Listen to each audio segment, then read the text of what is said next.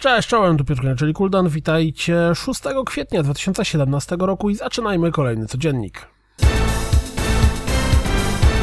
Tematyka gier na VR nie przestaje mnie zaskakiwać. Kto może być udrwalem, ten na bank odnajdzie się w Forestery.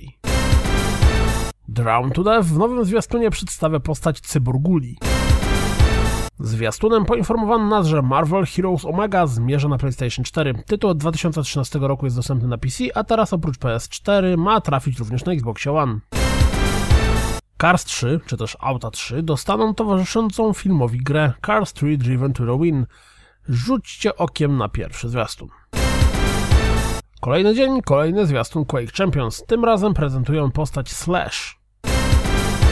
Mantis Burn Racing dostanie zimowe DLC. Zobaczcie zwiastun Snowbound. Oto zwiastun Plutobi The Dwarf Planet Tales. To jedna z tych gier, o których nie za bardzo chcę cokolwiek mówić, bo zwiastun mówi sam za siebie. Twórca Cave Story zwiastunem zaprezentował swój nowy tytuł, Caro Blaster. Gra ma być dostępna na PlayStation 4 już 11 kwietnia. Plotkuje się, że Warner Bros. pracuje nad grą RPG opartą o świat Harry'ego Pottera. Czy ta marka dalej jest gorąca? Szał na Pokémon Go dawno temu się skończył, ale Niantic pochwaliło się, że dalej miesięcznie gra w grę ponad 65 milionów użytkowników.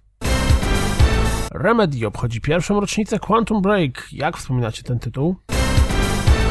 Najprawdopodobniej niedługo poznamy dodatkowe informacje o Crackdown 3. Square Enix chwali się, że Nier Automata przekroczyła sprzedaż 1 miliona, a Yoko Taro dziękuję fanom. W PlayStation Store pojawiło się Damko, Damko, Demko, Dragon Quest Heroes 2. Jeśli chcecie wziąć udział w otwartej becie Dawn of War 3, to pamiętajcie, żeby zarejestrować się pod tym adresem. Beta potrwa od 21 do 24 kwietnia. Jeszcze w tym miesiącu do EA Access trafi FIFA 17. Blizzard wygrał w sądzie z twórcą cheatów do gier, w tym m.in. do Overwatcha i Bossland GmbH, bo tak się oni nazywają, będzie musiał zapłacić ponad 8,5 miliona dolarów.